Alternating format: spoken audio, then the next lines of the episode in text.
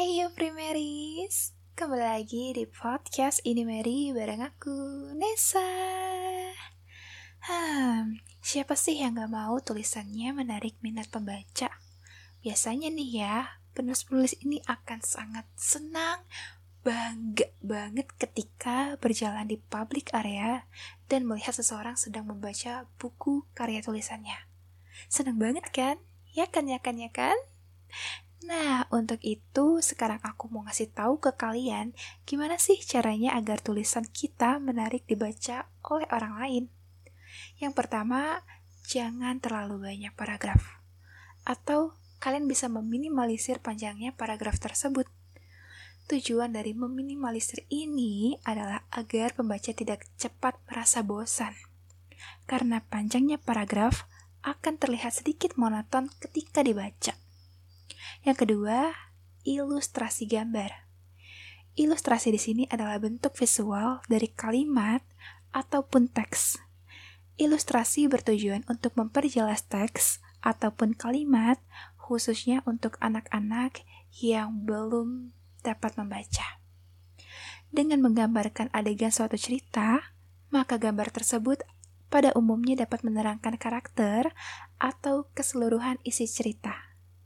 Adanya ilustrasi ini juga berfungsi untuk menarik para pembaca agar tertarik untuk membaca. Contoh dari buku-buku yang memiliki ilustrasi gambar adalah komik dan juga buku-buku pelajaran dari adik-adik kita yang masih duduk di bangku taman kanak-kanak dan juga sekolah dasar. Nah, poin yang ketiga adalah gunakan font dan ukuran yang sesuai font tersebut janganlah terlalu kecil sehingga dapat menyakitkan mata dari pembaca dan juga jangan terlalu besar sehingga menampakkan keborosan pada halaman. Jadi, gunakanlah font yang sesuai ya. Nah, sekarang kita masuk ke bagaimana menarik pembaca melalui ide tulisan kita.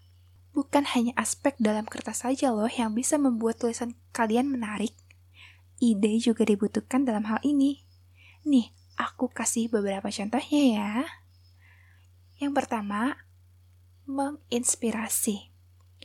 Cerita yang menginspirasi akan jauh lebih dikenal orang-orang dengan signature inspiratifnya. Jadi, cobalah sedikit menyelipkan inspirasi dalam kisah yang kalian buat. Yang kedua, unik unik dan beda adalah cara yang paling ampuh dalam bercerita. Karena tidak semua orang dapat memiliki pemikiran-pemikiran yang sedikit berlawanan dengan arus dan berbeda dari biasanya. Nah, poin terakhir adalah informatif. Untuk kalian yang bekerja sebagai penulis artikel atau buku-buku ilmu pengetahuan, haruslah menjadi seseorang yang informatif. Jangan cuma judulnya yang clickbait yang isinya tuh malah seorang artis mulai makan menggunakan tangan. Atau gini, habit-habit normal yang masih wajar untuk dilakukan oleh seorang manusia. Bahkan habit-habit buruk dari seorang public figure dijadikan headline berita gitu. Itu buat apa coba? Efek ke kita bakal positif? Kan enggak. Artikel macam apa itu?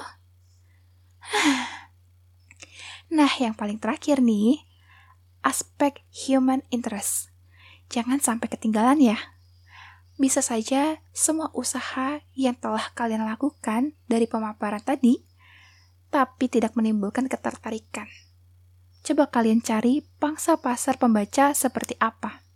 Setidaknya kalian bisa mengembangkan semua dari sana, sehingga melahirkan tren baru di dunia kepenulisan.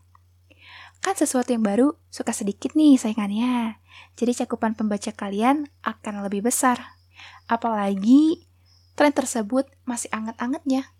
Jadi, human interest dan juga inovatif memiliki pengaruh yang cukup penting di dunia kepenulisan loh.